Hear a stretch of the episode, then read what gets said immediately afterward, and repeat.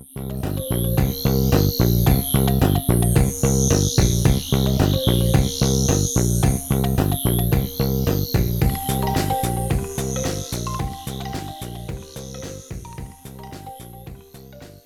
hei. Velkommen til Kongsberg biblioteks podkast. Jeg heter Siv Wyller og har et kurs i skapende skriving ved Kongsberg kulturskole for ungdommer. Her er del to av Brage Nordin Hustvedts eh, sin historie, som heter SSB29. Vi fortsetter å følge Lara og Adrian, som er på vei mot fjellet og etter hvert finner tempelet. Lara, jeg holdt på å gå tom for pust.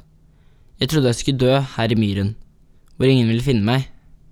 Så var jeg gjennom, stående midt på det harde, kalde gulvet i en stor steinsal med myren som et tak der oppe.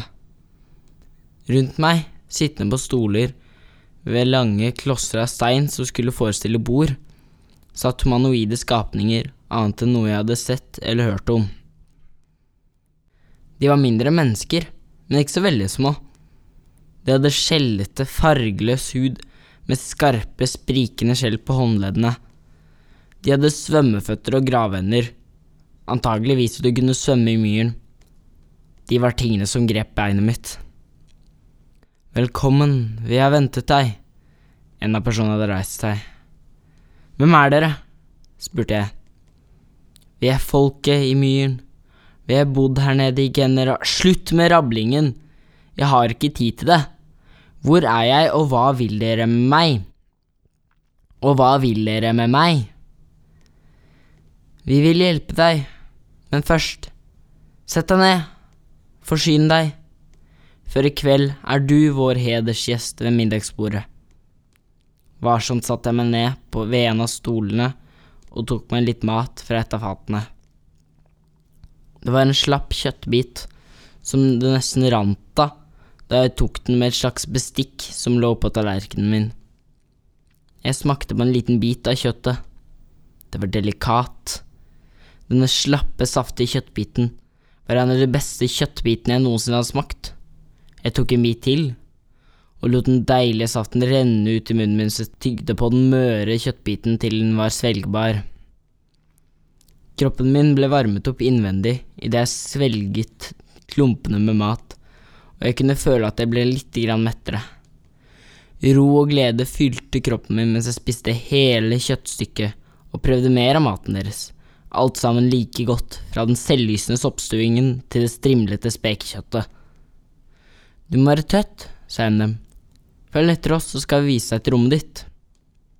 Tre av dem reiste seg og begynte å gå mot en dør i den ene enden av salen. Jeg var egentlig ikke trøtt, men jeg var høflig og fulgte etter likevel. Rommet de tok meg til, var omtrent så stort som det tidligere kontoret mitt, og innredet ganske sparsomt. Det var en seng i det ene hjørnet, et bord med en stol i et av de andre, og et bål midt i rommet.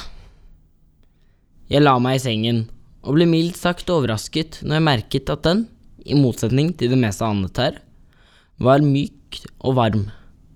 Jeg la meg ned, og de tre skapningene som fulgte meg, lukket døren etter seg. Kort etter slukket jeg bålet. Det var mørkt, jeg hadde våknet av en brå lyd, og nå lå jeg her i mørket og lyttet. Igjen hørte jeg lyden. Det var lyden av klasking på stein, knirking i døren. Tre høye klakk fyller rommet idet bålet blir tent av en av skapningene. Bli med meg, sa den. Hva, begynte jeg etter at jeg hadde reist meg, men jeg ble avbrutt før jeg ble ferdig. Hvis vi kommer oss vekk herfra fort nok, vil jeg forklare alt.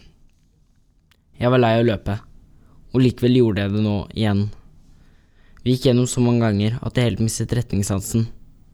Omsider begynte vi å løpe. Ikke lenge etter ble hørt jeg stemmer. Skapningen var etter oss. Stemmene kom oss nærmere og nærmere til å kom til en bratt sirkeltrapp. Løp opp dit, gjem deg! Skapningen stoppet, men jeg rakk ikke reagere.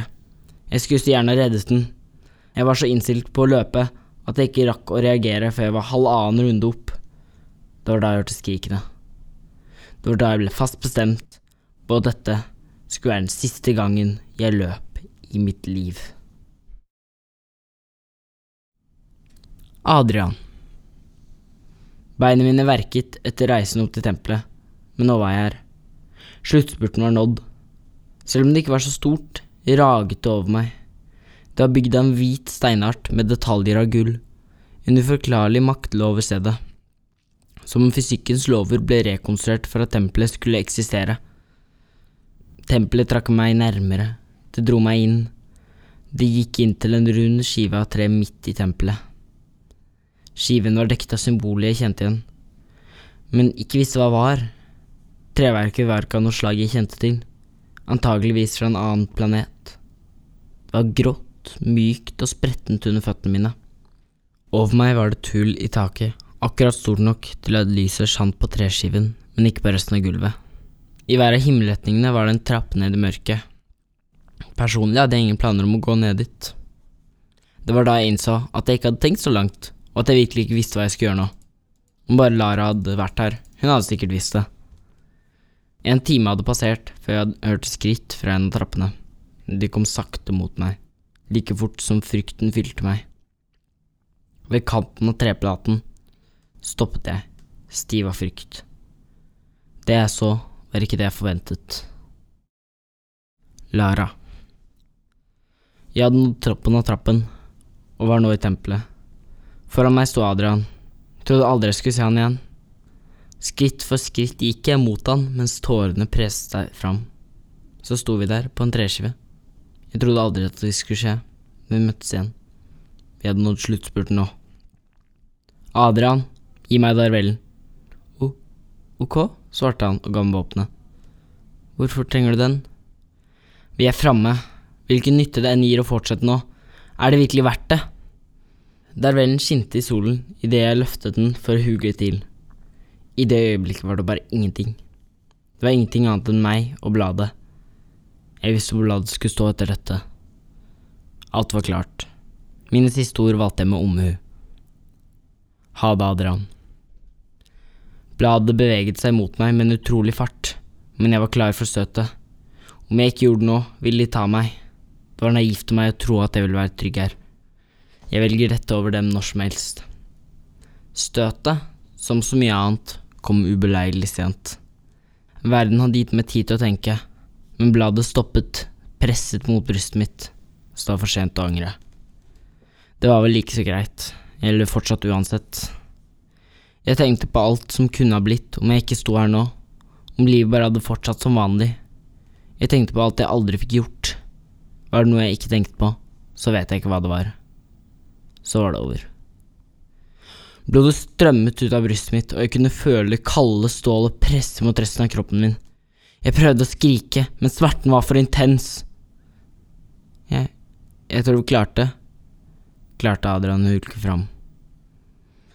Han begynte å lyse foran øynene mine, mens jeg falt ned på kne og begynte å hoste opp blod. Pusten min hadde stoppet, og pulsen var på sitt siste strå. Ha det, Adrian. Ha det, Lara. Idet han sa det, begynte han å løse opp i tråder av lys, og alt som var igjen, var tårer. Mens jeg så Adrian løse seg opp, merket jeg bevisstheten forlate meg. Jeg knugget med mine siste øyeblikk. Pulsen min hadde stoppet. En siste tåre traff gulvet, så var det hele over. Det var slutt. Adrian. For meg sto Amana. Ved siden av henne sto en mann i svart olabukse og grønn hettegenser. Jeg antok at dette var Sagat. Er det du som har kommet? Det var uventet, sa mannen nedlatende. Det kvalifiseres fortsatt som min seier, skjøt damen inn. Det gjør vel det. Mannen strakte ut hånden for å slippe en bit med gull i damens hender. Hva i helvete foregår? spurte jeg aggressivt. Ja, hva gjør vi med han? spurte mannen. Gjøre med meg? Det var vel egentlig meningen at du skulle brukes i blodofringen, svarte damen. Vi kan jo bare drepe han. Dere kan også ikke drepe meg. Vi kan ansette han, foreslo mannen. Til hva da? spurte jeg. Til litt av hvert ærender. Mannen ventet i spenning mens damen tenkte seg om. Ja, hvorfor ikke? Da er det bestemt, sa mannen entusiastisk. Rydd opp liket, er du snill. Jeg merket at jeg ikke hadde noe valg. En kraft over mitt nivå av forståelse hadde bundet meg til skudene for alltid. I det minste var planeten fortsatt der.